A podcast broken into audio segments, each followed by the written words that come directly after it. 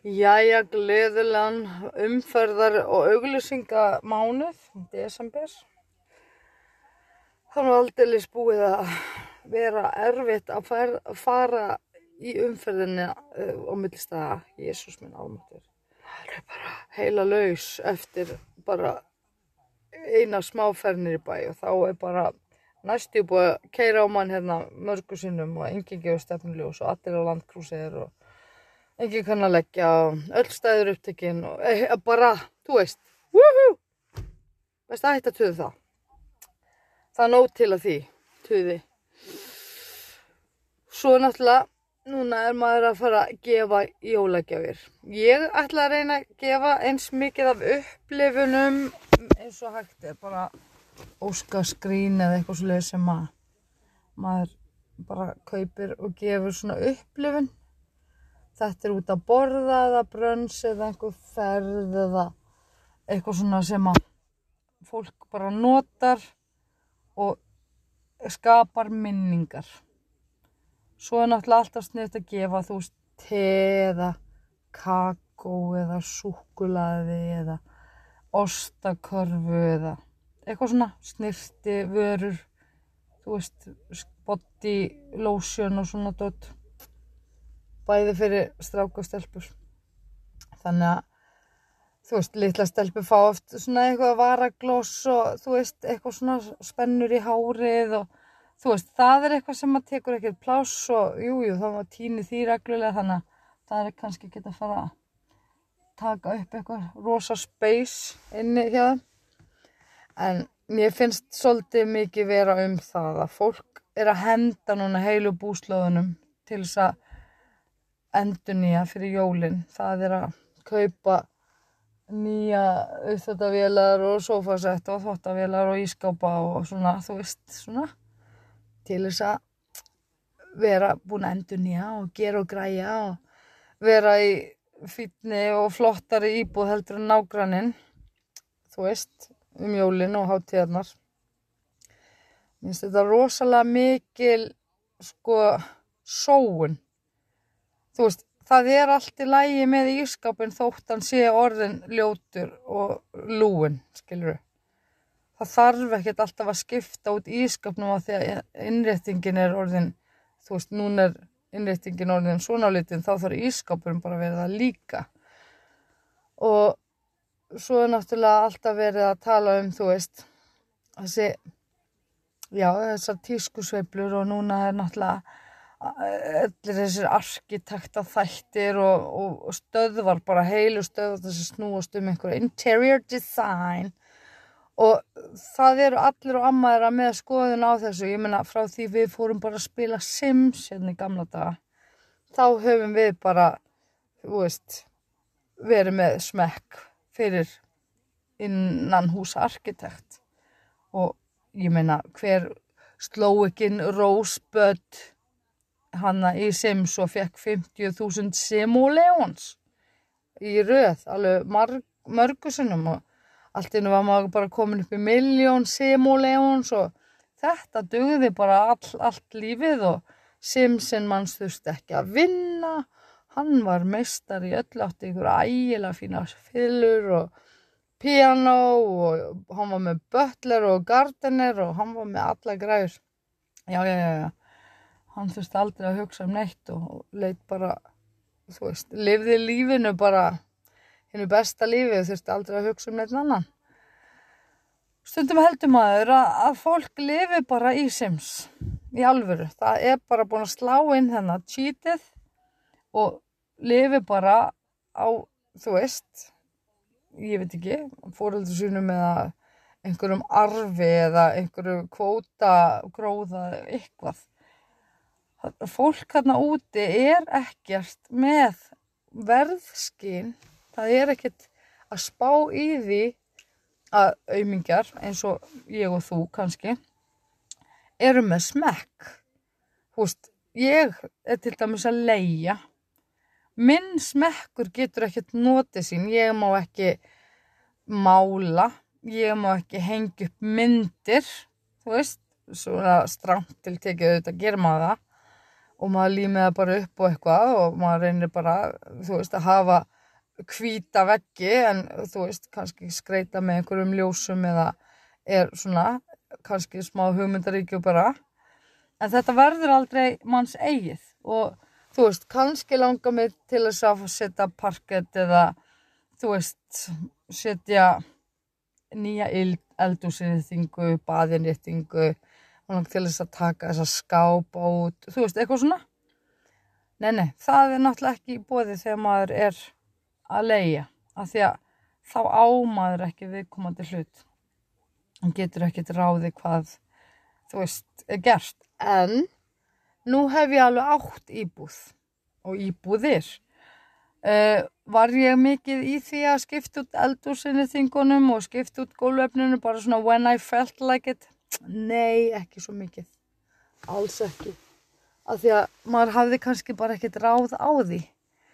Og jújú, jú, þegar fólk er að tala um einhverju áhrifavaldar í 66 grána orður úlpunni sinni sem eru mánalögnin mín eitthvað sem að maður bara oh my god og svo er hún að renna sér á skýðum í svo eðilegur þetta og rýfur þetta eitthvað. Maður er einhvern veginn bara svona vá af hverju er verðmæta eh, tilfinningin hjá fólki svona skrítin. Þú veist núna er einmitt nýju fjárlaugin hjá Bjarnabenn skilu, já já þetta er allt saman að stefna í rétt átt núna á næsta kjörtímabili. Það er ekkert allir sem hafa fjögur ár í það bara dóla sér eitthvað bara, já þetta er alltaf lagast að Bjarnabenn er með nýju fjárlaug sko Nei, þetta fólk er í skulda feni það á ekki pening það er búið með alla sjansana sína næst á dasgrá er bara að búa í tjaldi í laugadalum, skilur. Og ég meina, hvernig jól eru það? Að búa bara í, í laugadalum í tjaldi bara, með prímus. Það er ekki gott held ég og það myndi engi vilja gera það í nýstingskvölda og gatti. En að því að þetta er ekki ég eða þú veist, þetta er ekki einhver manneska sem er þjóðþektur sam, hérna, félagsmiðla eitthvað áhrifavaldur. Þá er þetta ekkert skiptir þetta einhver máli, þá er þetta bara einhver nobody sem að má bara drefast mann einhvern tíma þá átt að taka mót einhverjum flótamönnum og allir voru bara þú veist, ekkert smá peppar í það að taka mótið þeim sko, hérna. Bara já, ég er sko til ég að taka mótið þessu fólki já, ég skal bara taka þau öll inn í mín, mín, mína blokk eða eitthvað. Svo náttúrulega stendur ekki steinni við steina því sem þetta fólk segir eða ætlar sagt, að lofa og lofa og lofa. Og svo gerist ekki neitt af því að þegar kemur á daginn þá hefur þetta fólk hvorki ráðinni rænu á því hvað það þarf að gera til þess að þú veist fá mannesku bara inn á heimilið. Og maður einhvern veginn sér sko fólk það hugsa ekki, það bara framkvæmir.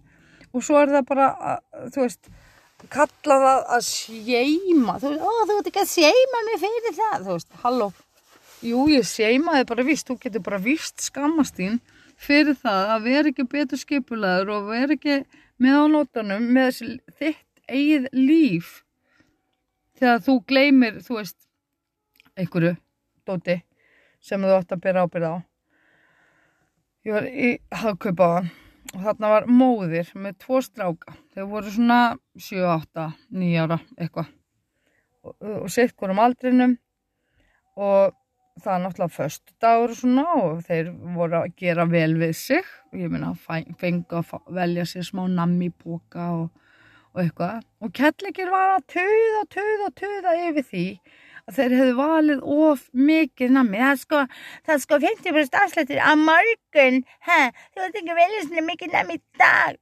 Halló, hugsa kona, hugsa.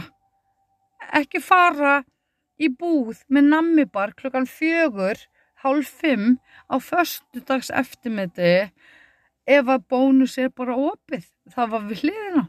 Þú getur bara alveg farið í bónus, keft í matinn, klárað, þú veist, kvöldmatar, stúsið og það allt bara á no time, miklu ódýrara og betur sloppið í bónus.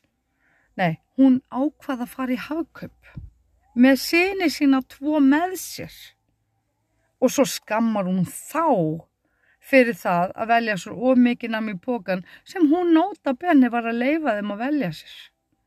Bara, óh, okkur er ekki allir bara eins vel skipulaður og ég.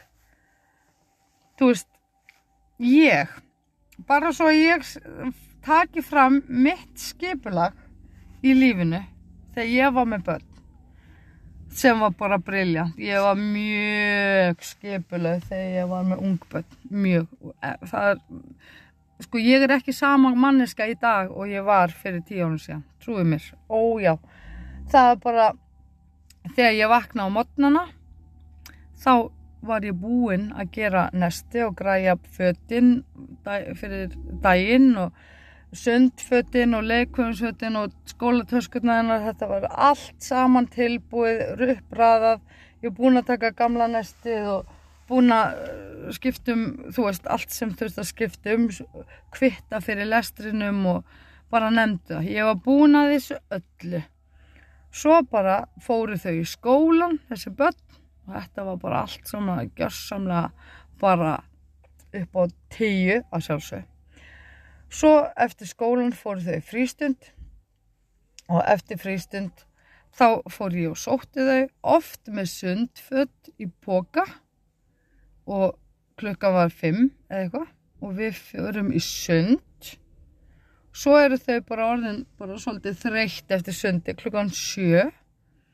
Og þá fóru við nú bara oft í íkja og fengum okkur kjötbólur og þú veist það var frítt að borða fyrir börnan á tímabili sem var unaðslegt. Unaðslegt og þau voru ekki orðin það þreytt að þau voru fann að grannja þau voru ekki það ung. Þú veist ef að þegar þau voru mjög ung þá var ég bara með banana og kokomjólk og þú veist eitthvað. Samlokur. Og þau bara fengið að borða strax eftir sundið. Og svo bara sopnuðu þau í bílnum. Og ég var komin heim um átta og barðu bara svo um þetta inn eftir sundið. Og þá, þá klætti þau bara í hrein, nærfött og náttfött og svo út í galan náttúrulega, í bílinn beint heim upp í rúm. En svo þegar voru hann eldri og ég hafði náttúrulega bara mjög lítið lítinn pening á milli handana en ég fekk fríkt í sund af því að ég var að vinna bara á, þú veist, þannig stað. Og þau náttúrulega fengu frítt í sund af því að þau eru börn. Og þá var þetta ekkert mál. Þá bara, þú veist, kláraði maður baðið og orkuna frá 5 til 7 og jújú, jú, þau voru svona þægilega þreytt, þau voru kannski ekki eitthvað grænjandi en eitt þá fór maður sérstaklega í IKEA. Við fengum okkur kjöldbólur og svo var bara að bruna heim. Allir sattir og sælir. Það var farið að sofa. Og ég átti bara me time frá klukkan hálf nýju þannig þegar ég fór að sofa. Og svo var bara næsti dagur þú veist, ég hef náttúrulega klárað skólatöskutna þeirra og við vorum að lesa saman og eitthvað svona þú veist, það sem að þurfti og helgarnar þá var einmitt reynd að skipulegja þú veist, laugadagurinn fór í þú veist, eitthvað ákveð við gerðum þrjá hluti eða eitthvað, þú veist, fórum í já, bara segjum bara skemmtigarðin eða hvað sem við gerðum fórum í heims og til ömm og afa og kíktum í kólaportið þú veist. Og sunnudeginum þá gerðum við kannski þú veist, þau fór í playdate eða þú veist, lekuðu frænd og frængu og svo fórum við alltaf að borða á sunnudum hjá ömmu og þannig var bara lífið í förstum skorðum og við vorum bara með svona life hacks bara á hérna hreinu, ég var ekki að fara með þau í einhverjar freystingar sjóppur þar sem að þau voru farin að grænja yfir því að við fengu aldrei neitt, skiluru. Það var bara bónus og íkja. Og ég meina, lífið var bara einfalt og þægilegt og við vorum ekkert að spenna bógan allt og hátt. Og svo ef þau, ef einhver spurði, viljið þið fá þetta, hvað vantar ykkur í jólagjöf eða ámælisköf þá gáttu þau fara að velja sér eitthvað svona aðeins dýrar og flottara og einmitt umbunar kerfi þau snúast um það að þau sé að sapna sér fyrir einhverju sem þau fá ekki venjulega. Þú veist, ef að barnið vant að fara í bíó og út að borða og fara, þú veist, og shake og pizza og eitthvað, og keilu, alltaf, hvað sem er, þá er umbunarkerfi ekki að fara að gera neitt fyrir það, sko. Það er hvað sem er að fara að fá ís og, þú veist, íspiltúr og bíóferð með ömmu og eitthvað. Þannig að íhugið það þegar þið gerir samveru dagatal eða umbuna kerfi eða eitthvað slíkt að það sé ekki eitthvað sem að þau eru hvort sem er alltaf að fá. Mér finnst jólagjafir og þetta þessi þetta í dag bara hvernig þetta er orðið. Sko maður sér þessi börn alltaf í nýjum fötum alltaf, þau eru alltaf með nýtt út þegar þau koma til manns. Það er alltaf eitthvað nýbúið að kaupa handæðum pappin og mamma er alltaf í rosalega fínum og hreinum og flottum fötum og það er allir og amma er bara búin að gefa þeim allt sem þið langar í og allt sem þið benda á um helgar. Nema kannski það að vera með þeim bara í ró og næði og bara í engu stressi. Ég held að dýrmætasta gjöfin í dag sé stressleysi. Engin pressa, þú veist, það er alveg ástæði fyrir því að allir eru ógeðslega kvíðinir og það sé alltaf verið svona að metast og það þarf alltaf að ná hærra en þessi og vera flottar en hinn og, og gera, þú veist, já, þau voru að fá sér nýjan bíl og þau eru að fara til útlanda, já, ég við verum að gera það líka, Jói í bekknum fekk iPhone í skóin og allt þetta. Þú veist, Þetta er mjög svona kvíðavaldandi fyrir börn, sérstaklega þegar þau eru farin að hafa vit á því sem er að gerast í kringuðu og þá ekki að vera að halda einhverja brjála ammælisveislu þegar barnir er einsás. Öllum er, og sérstaklega því er nákvæmlega sama. Og fyrstu jólin, ekki vera að gefa, þú veist, sonu minn, elsti, hann fekk 30 pakka. 30 pakka á fyrstu jólunum sínum frá einhverju random fólki sem við vissum ekki hver voru eins og og hérna á sængina fekk ég einhverja, ég veit ekki hvað, eitthvað pakka flóð frá einhverjum vinkonum mömmu sem að fermdust með henni, ég veit ekki hvað og hvað sko. Þannig að ég veit ekki alveg, þú veist af hverju fæ ég ekki í dag 30 pakka? Af því að mér langar ekki í 30 pakka. En mér finnst alltaf hugulegt að fá hverðjur og mér finnst rosalega hugulegt ef einhver vil gefa mig gjöf. Og nú hef ég beðið um það í ammaliðskjöf frá því ég var færtug samveru. Ég vil fá óvissu ferð með þér í jólagjöf, ammaliðskjöf eða einhverja tækifæriskjöf ég vil vera með þér, ég vil fara út að borða með þér. Ég vil fara í íspíltúr með þér. Ég vil syngja, öskur syngja einhver Selin Díón lög og kíkja í gullna ringin eitthvað skemmtilegt, eitthvað gaman sem að við gerum saman og engin börn og engin auka hlutir, engin þú veist, að trubla okkar væp jújú, við getum alveg fyrir fjóra vinkunum saman, það er allt í lagi, það er gaman líka. En þegar maður er að byggja um eitthvað upplifun í ámælis og jólagjöf þá náttúrulega þarf það náttúrulega að fara að gerast svona innan kannski fjóra mánu annars gleymist það. Ég held ég að ég ennþá þrjára óvissuferðir síðan að færstu samalinu mínu. Og ég er 47 ára þakkaði fyrir. Já já já ég fekk alveg ægilega fint og flott æðislega fallegt heima föndrað ammaliðskort hérna í færstu samalinu bara frá einni vinkonu sem ég misti svo sambandi við ekkert mjög löngu setna og það var ekkert eitthvað í yllu það var bara svona fjaraði svolítið út. Þú veist, heilsan hennar fjaraði út. Og svona ég fór að vera uppteknar í vinnu og annað. Þannig að þú veist, þetta var svona já, svolítið svona sjálfdöytt kannski. En við vissum það ekkert þá. Og hún og sýstir hennar og maðurinn, sýsturinnar, ætluði að gefa mér svona óvissu ferð og þetta var ægilega vel föndrað og, voðalega fínt útprenta myndir að mér þarna í einhver klift í hjörtu og ég veit ekki hvað og hvað. Bara við elskum þig! Allt þetta. Og svo voru þessar systur hana þú veist þær voru bara komnar náttúrulega á kafi vinnu og það var brjálega að gera og enginn gæti gert neitt og það gæti ekki verið sammála um hvenar hinn kæmist í óvissu dagskrána þannig að þær voru aldrei sammála um það hvenar ætti að gera þessa óvissuferð. Pluss það að ég náttúrulega var líka faktor í þessu, ég þurfti líka að hafa tíma. Og það var kannski ekkit verið mikið að plana þetta svona dagstæla en þetta var talað um það í ammælisvislunni alveg bara já þetta verið frábært og hvað gerist? Ekki neitt. Uh, Sýsti mín og bróði mín og mamma þau gaf mér líka aðeinslega skemmtilega óvissuferð og það var farið bara nokkrum dögum setna bara á einhvern ægilega fínan stað og við borðuðum bara öll saman ótrúlega fínt og bara sött og sæl.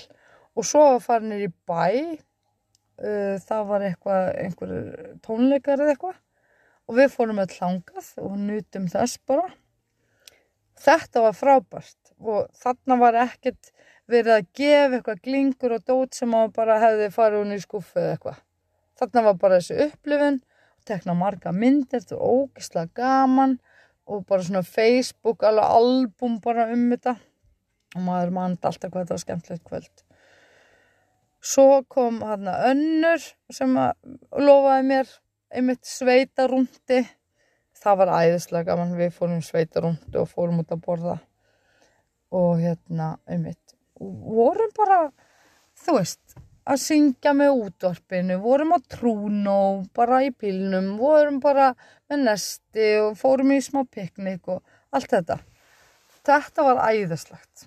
Og, og maður mann allt svona, maður, eina sem maður, þegar maður saknar vina sinna, þá saknar maður þess að hafa ekki gert meira með þeim, þú veist, Núna er til dæmis eina mínum, mjög góðu vinkonum, að jafna sig eftir krabba minn og hérna, maður hugsar, ok, þú veist, hvað ef, þú veist, núna höfum við reynd mikið saman, brallað mikið saman, en maður vill alltaf hafa brallað miklu meira saman og hleyið meira saman, gert meira saman og einhvern veginn verið meira svona já, að skapa minningar.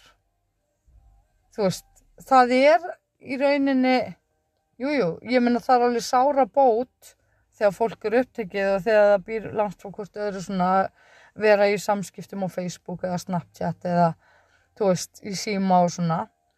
Það jafnast einhvern veginn ekkert á við samveruna að því gefnum náttúrulega að fólkinu líði vel saman. Svo er náttúrulega breytist viðnáta auðvitað.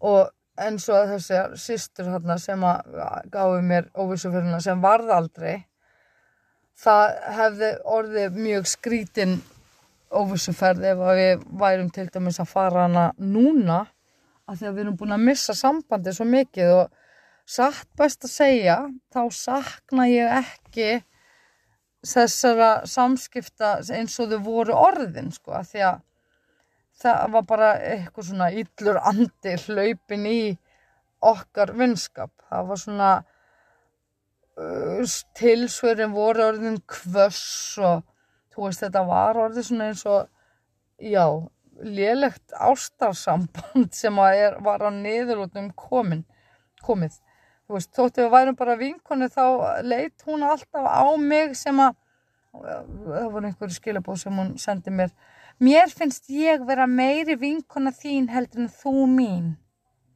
ég bara, ha? hvernig er það hægt? Ertu það, þú veist, þá voru ég að hugsa bara, býtu, er hún skotin í mér eða? Hvað? Þú veist, hvers á ég að gelda, hvað á ég að gera í því ef á manneskan er þykir vætna um mig en mér hana. Svo náttúrulega sá ég það í hendi mér að þetta var náttúrulega bara eitthvað vopn, eitthvað svona, ég held að þetta heiti gaslightning í dag. Það heitir allt einhverjum voða fancy nöfnum núna í dag. Þú veist, þarna var verið að láta mig fá samvinskupið fyrir einhverja tilfinningar sem hún hafiði sko sem að ég var ekki endurgjalda. Ég var ekki jafn góð vinkona hennar. Ég átti nefnilega fleiri vinkonur heldur en hún. Og það náttúrulega eyðist sem afi tekið sá hún. Og þá náttúrulega var hún að gera lítið úr mínum tilfinningum til hennar þegar ég var að dreifa þeim svo mikið út um allt sko. já, ég bara ég, ég alveg, þetta er ekki það ferli sem að ég vil eiga með vinkunum mínum í lífinu að vera alltaf í einhverjum dodgeball og það sé skotið á mann og maður bara maður megi ekkert segja tilbaka. Nei, nei, nei, nei, það hefði ekki verið vinsalt og ég hef sagt eitthvað tilbaka við ungfrú hérna Ráðríka. Nei, nei, nei, nei, nei. Alls ekki. En þessi ágæta kona hún er náttúrulega bara búin að fyrirgefa mér og við svona nikkum til hvern annar við sjáumst. En við vitum það báðar að okkar vinskapur er bara á yfirborðinu, þetta er svona jólakorta vinskapur, það er svona gleðilega jól og farsalt komandi ár. Þú veist sér í barði börnin, skilur, eitthvað svona. En hérna en sýstir hana, mér er alltaf þótt ótrúlega vænt um hana og þú veist og mér langaði alltaf til þess að halda miklu meira sambandi en ég menna þá hefði náttúrulega þessi sem var ástfangin og komið og þú veist bannað okkur að vera tveimið saman að því að það er bara við elskar vinkanir ekki þið skilur þetta var alveg þannig. Maður var alveg bara ægi í dag þá get ég blandað vináttunni minni sem ég á við margar vinkunum mínar og, og skara þeim líka saman án þess að allt fari í bál og brand. Ég held að þetta komi svolítið með aldrinum bara og þetta er samt æfing að maður djögli vinn, vináttu samböndum svona. Þú veist, jújú, jú, það er margir saumaklúpar til, það eru margs, margs konar frænguklúpar og alls konar spilaklúpar og ferðarklúpar og hjólaklúpar og svona. Og það eru oft svona fólk sem að hefur bara þetta sameila áhuga mál að ferðast að hjóla, að spila, að sauma, elda, að mata klúp, eitthvað svona. En annarkvort eru þeir bara alltaf eins, þú veist, að bara hittast allir eða enginn. Jú, kannski draga sig einhverju fjóri-fimm saman einhverstað hér og þar. En þú veist, þetta er alltaf hjólaklúpa hittingur, þetta er ekkert svona ég og Sigga vinkona það er ég og Sigga hjólaklúps vinkona, sko. Það er alveg sérstak sko, sérstak grúpa fyrir þessa vinóttu og þetta fer í ákveði bara svona hólf, það sem að spila klúpurinn eða hjólaklúpurinn eða paraklúpurinn, þú veist getur talað um. Þannig að ef að þú ert átt einhverja sér vinkonu úr þessum hjólaklubb og þið eru að bralla eitthvað saman og þið kynntust í hjólaklubbnum þá er það öruglega orðið svolítið hei, hefði ég hvað okkur er þær eitthvað að vera svona hvað, hvað með alla hérna í hjólaklubbnum skilur við og manni finnst þetta að vera svolítið svona gegnum gangandi með alla svona félagskapa. Þú veist, núna er ég í, í sagt, svona hálgerðum stelpuklub þar sem að við erum fjóra stelpur sem hittumst og við förum út að borða. Við rifjum upp svona að því að við vorum að vinna saman á sama stað. Og vorum ekki að vinna lengi saman, kannski 8 mánuði. Og hérna við náðum saman og við erum ekki að bjóða hinum stelpunum sem voru að vinna með okkur á nákvæmlega sama stað að því að þær áttu enga samlega með okkur en við fjórar vorum einhvern veginn svona svolítið saman. Og við einhvern veginn erum ekkert að blanda neinu öðru fólki. Þú veist þó að við eigum vinkunni sem langar óbúslega mikið út að borða með okkur þá erum við kannski bara að því en svo erum ég og einn stelpan úr þeim klúpi og önnur sem að þú veist ég er bara að vinna með núna og sem er náttúrulega mjög góð vinkona með líka. Þú veist, við getum þrjár verið saman. Svo er náttúrulega alls konar svona útgáfur veist, vina fólk og vinkonur og þú veist, nú er ég náttúrulega einhleip þannig að ég á ekki pör af vinum. En þú veist, vinkona mín sem á mann hún á pör af vinum og þau fara í bústaferðir og ferðaklúpa og ég er engin partur af þeim félagskap. En þau vita samt öll að mér og þekkja mig ef við hittust á förnum vegi þá er ég alveg knúsuð og bara hæ, hvað segir það, gaman að sjá þig en Guð forðið mig frá því að vera bóðin með pörunum í eitthvað bústað, ekki síðans og í, nú er ég ekki sæt og sexy eða neitt svoleiðis og væri engin óg við hjónaband þessara kvenna alls ekki. Og myndi ekki einu svona reyna það eða ég hefði ekki einu svona áhuga á því. En þú veist, þegar svona stökmanniska er þá er henni aldrei bóðið með pörum, það er bara svo lis og eins pari er yfirleitt ekki bóðið með í svona stökumanna hitting það þú veist er svona svolítið ójæmt þú veist, jújú, jú, ok, allt leið að vera að spila saman í jólabóði og, og frangurnar og, og frandin, þú veist, sem er í sambandi með kærustuna. Eru eitthvað pictionary eða eitthvað? Þá geta pörin alltaf spila saman en maður reynir svona að láta pörin ekki vinna saman að því að þau þekkast oft miklu betur heldur en þú veist þau sem eru stök.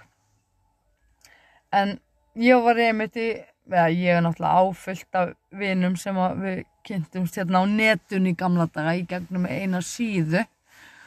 Baggalútur.is já, já, já, já, það var skemmtlegt spjall þar.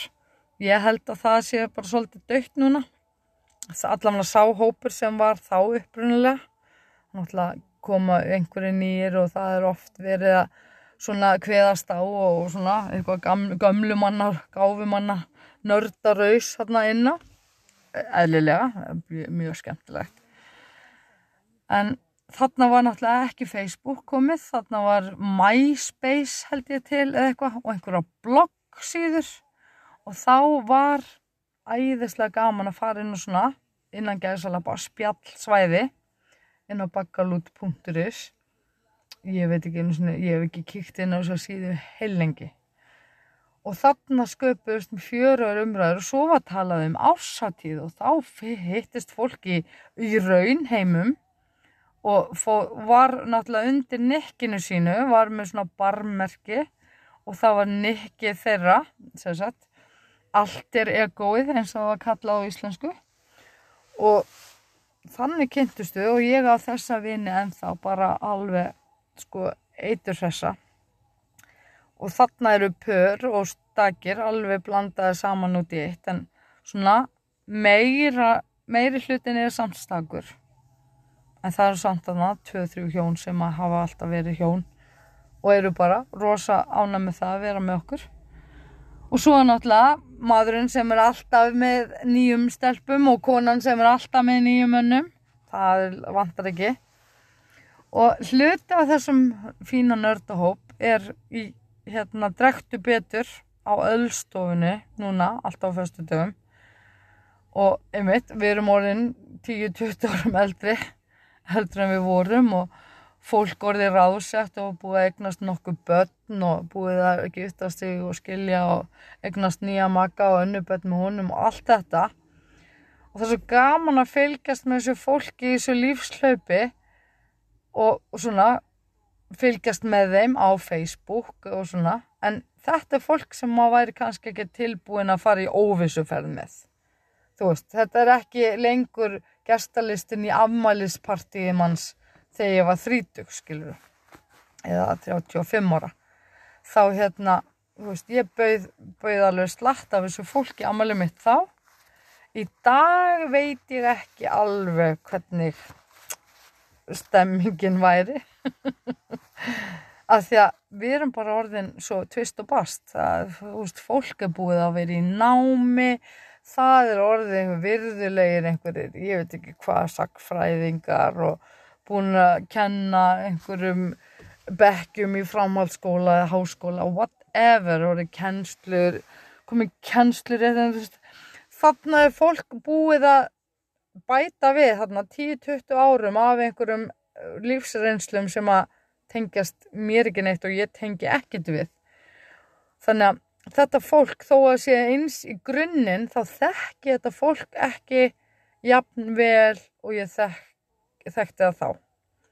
Þú veist, ég veit alveg hver þessi er og, en ég veit ekkert hvort að hvað hann er færum að gera núna. Ég meina, þessi manneski á áttla aldrei eitthvað spöld. Núna á hún þrjú, þú veist, allt þetta þetta breytist svo ótrúlega mikið, þú veist, fólk er búið að segja og segja og segja alls konar og svo tíu ánum setna þá bara, já, hvað er að setja þér? Já, þú varst í kallahattara félaginu, já, ég er gift þremi mönni, ég er í póliarmor í sambandi núna, skiluru, og ég á fjóra stráka, þú veist, ég elska kallmenn, þú veist, þetta er alls konar sem að það bara getur kúvenst, bara á smá tíma, nokkrum árum. Þú veist, tíu ári mínum huga er bara, þú veist, í fyrradag skilju þú veist, fyrir tíu árum síðan þá var ég 37 ára og hérna ég var á allt öðrum stað í lífinu þá heldur en ég er núna. Allt öðrum stað. Og ég kunni allt aðra hluti og var með allt aðra hluti í forgangi heldur en ég er með í dag. Já, já, já, alveg eins og bara allir aðrir held ég. Samt, jújú, jú, við erum svona í svona grunninn óbreytt en síðan kemur svona einhver uh, lífsreynsla og það að maður slípast til og maður masterar eitt og maður gleymir öðru þá er maður kannski ekki alveg eins til í svona fýblagang og parti með sama gamla liðinu sem var til í hérna fyrir tíu árið síðan. Einn góð vinkuna minni mitt hún djamaði bara sér raskatið frá bara hún var í framhaldsskóla og þanga til hún var þrítug og hún held bara hún erði piparjunga til æfiloka rosalega mikið á djamminu förstu dag og lögadag og kannski sunnudag og var bara alltaf alveg bara ó ég var að finna mér mann. En hann langaði ekki börn og þú veist, hún vissi ekki eitthvað hvað hún vildi en hennar, hún vissi það að hún vildi eiga mann. Svo bara kynntist hún manni allt í náum bara þrjú börn húsbíl og íbúð og fötti tenni og beni og ég veit ekki hvað þrjusor ári og bara gengur um í Burberrys kápunni sinni og á Benz jeppan, skiluru þú veist, og þetta er bara hennar líf, senstu tíu ánum bara fullkomið rosalega fínt bara strákurinn 10 ára stelpan 9 ára hundurinn 30 ára, skilur við þetta er bara stafrásröðin bara sjálfstæðisflokkurinn bara kikkaðinn bara allir í börbaris og þú veist áhættu fjárfestingum og eitthvað svona. En þetta er það sem hún vil í dag. Hún myndi aldrei fórna lögutaskvöldi í að fara á djammið, guðmengóður, nei. Núna eiga börnin bara frítíman og forgangin og þú veist þarna bara unnið fyrir því sem að hægt er að gera saman með fjölskyldunni og samveru dagatal, bjór dagatal þú veist hjálpatæki ástalífsins dagatal þú veist þetta er allt saman bara í jólapakkanum og í jólaundibúningnum þannig að maður er einhvern veginn bara svona ok, þarna er allt í föstum skorðum.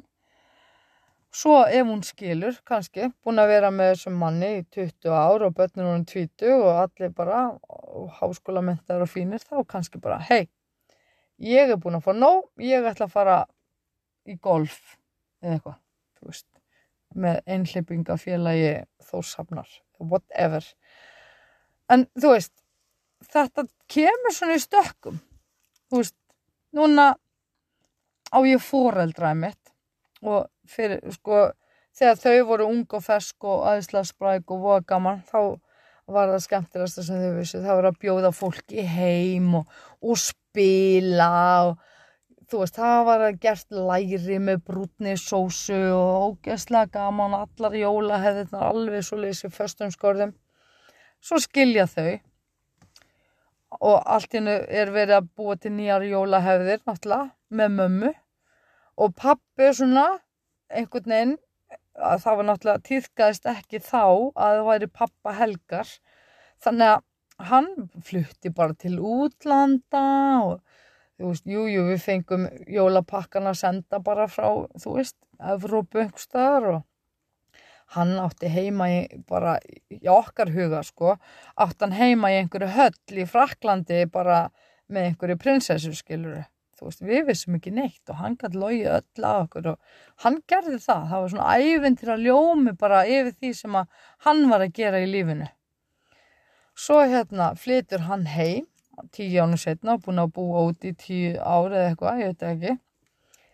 Og hérna, þá var hann bara, þú veist, ekkert pappi, skilu, það var ekkert hægt að leita eitthvað til hans. Þú veist, þetta var ekki þessi trúnaðar fílingur, þú veist, eins og aðrir hafa með pappa sinn. Þetta var bara svona kall sem hafi gefið okkur úrslega flotta gafið, þetta var svona eins og frændið manns, svona ekkert mjög náinn, bara svona skemmtilegur, svona sem kom oft til mér ömmu bara, já, já, að pappi var hjá ömmu, ha, ha, ha, og að fyndið, þú veist, skilur þarna var alltaf hist heima hjá ömmu á, á sunnudöfum, bara snúða og, og mjölk og, og einhverja pipakökur eða eitthvað, og það var alveg ótrúlega svona fastur punktur í tilverunni að geta hitt alla frængurnar og, og frændana og pappa hjá henni ömmu. Það var bara rosa gaman. Svo fóðum maður bara heim til mömmu og já, ég hitti pappa heim á ömmu. Já, ok, hvað sagði hann, fínt. Veist, þetta var alveg svona veist, okkur var ekkert bóðið í heim svona að gista en eitt svoleiðist það var aldrei þannig. En það var bara no hard feelings. Þú veist, við hafum bara ekkert vita neinu, þetta var bara staðrind í okkar lífi. Að pappi var ekkert eitthvað náinn. Og ég meina, jújú, það er alveg sátt að þurfa sko það er, okkur var alveg drull sem börnum, en það hefur örglega sátt fyrir hana mömmu að vita til þess að við myndum aldrei eiga svona ná í samband eins og hún átti til dæmis, hún á ennþá við pappa sinn, hún er 67 ára og pappi hennar er 96 ára og þau eru bara bestu vinnur sko. Bara spjalla oft saman og ég minna, þú veist, eru bara eins og feðgin alveg, bara mjög svona þekkjast vel og vita hvað er í gangi hjá hvort öðru og svona. Á meðan ég og pappi minn vitum ekkert hvað er að frétta.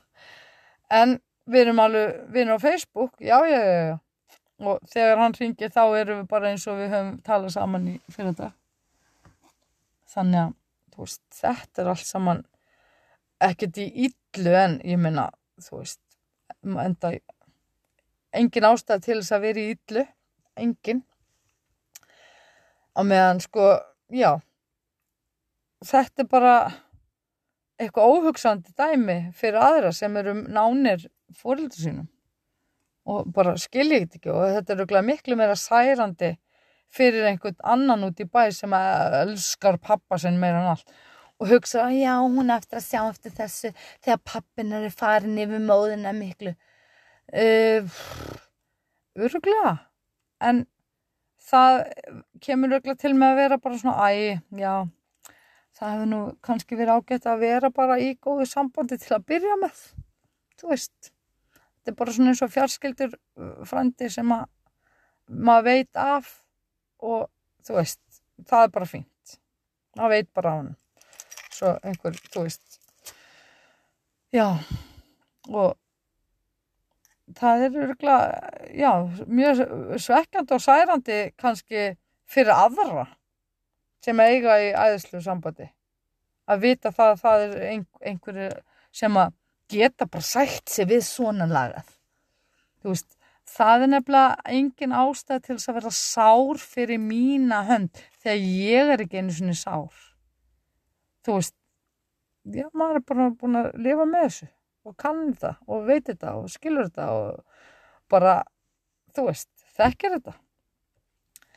Þannig að þetta er bara eitthvað sem að, já, ég er ekkert að bögga mig, ekki í dag maður tók einhver tíman dramakasti yfir sig þegar vinið manns voru að monta sig yfir því, já, kannski ekkert monta sig, en segja, þú veist, já ég og pappi við vorum bara úti allan dag og bara veiða og svo fórum við bara og gistum henni veiði komanum ógstlega gaman hjá okkur, drukkum saman og fórum í pottin og það var bara svona feðga moment og við vorum á trún og skiluru ég bara, já, ok, byrju erst þú svona góðu sambandi við pappa? Ég bara, já.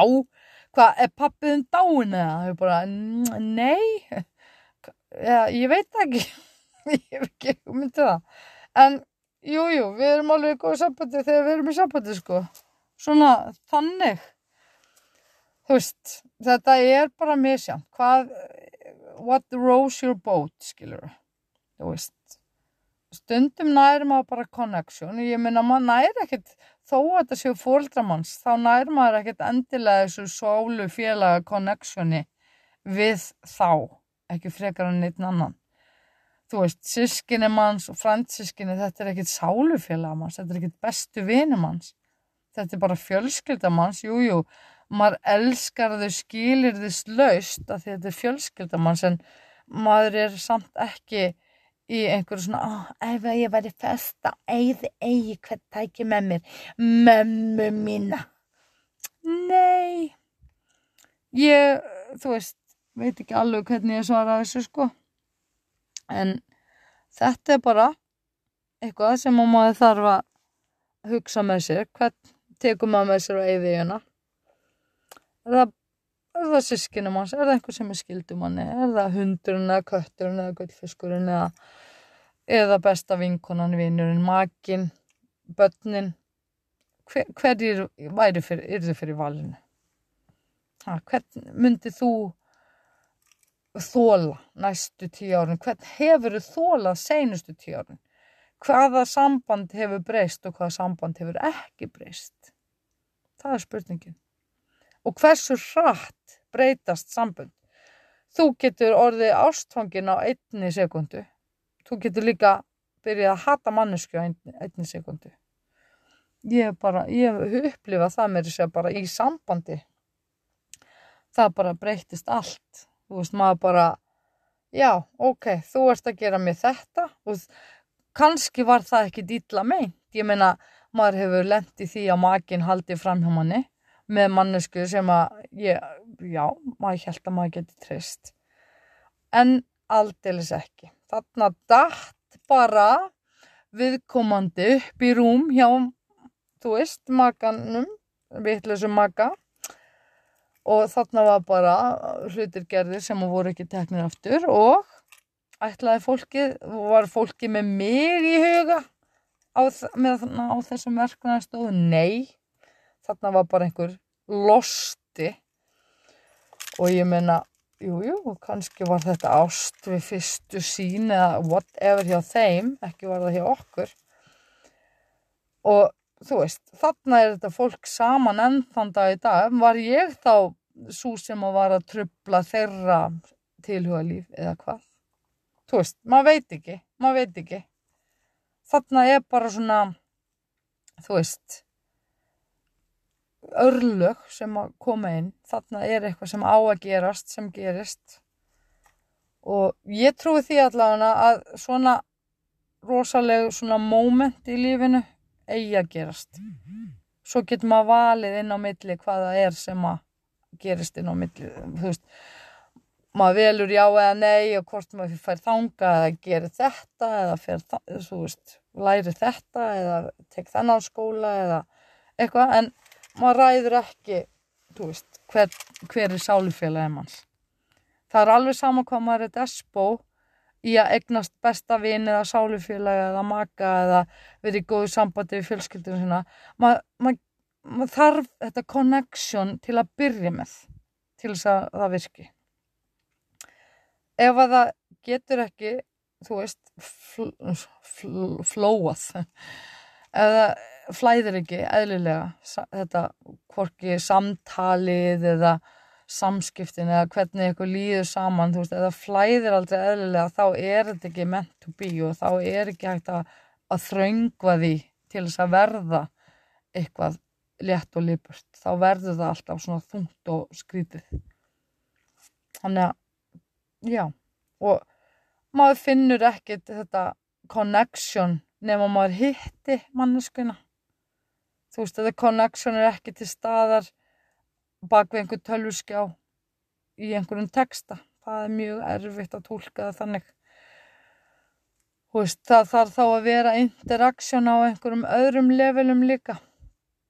Veist, það þarf að vera talað um eitthvað annað heldur en bara þetta er greið þessu gilur það, það þarf að vera eitthvað svona meira í hóp ef að fólk er að spjalla það þarf að vera að spjalla um allt og ekkert ekki bara eitthvað viltu koma að deit ertu með stóran röð uh, þú veist það einhvern veginn já, það verður mjög einhæft og mjög svona skrítið að eiga samskipti á einhverju svona date uppum ef maður ætlar að finna einhvern sem er með alvöru kemistri þá þarf maður bara að fara nýri bæ eða gera eitthvað í kjötheimum og hitta fólk til þess að finna þú veist, maður þarf að finna lyktina, maður þarf að heyra röttina, maður þarf að heyra hvernig við komum að tala, maður þarf að sjá hvernig mannskjarn ber sig, hvaða væp hún gefur frá sér og svo framvegis.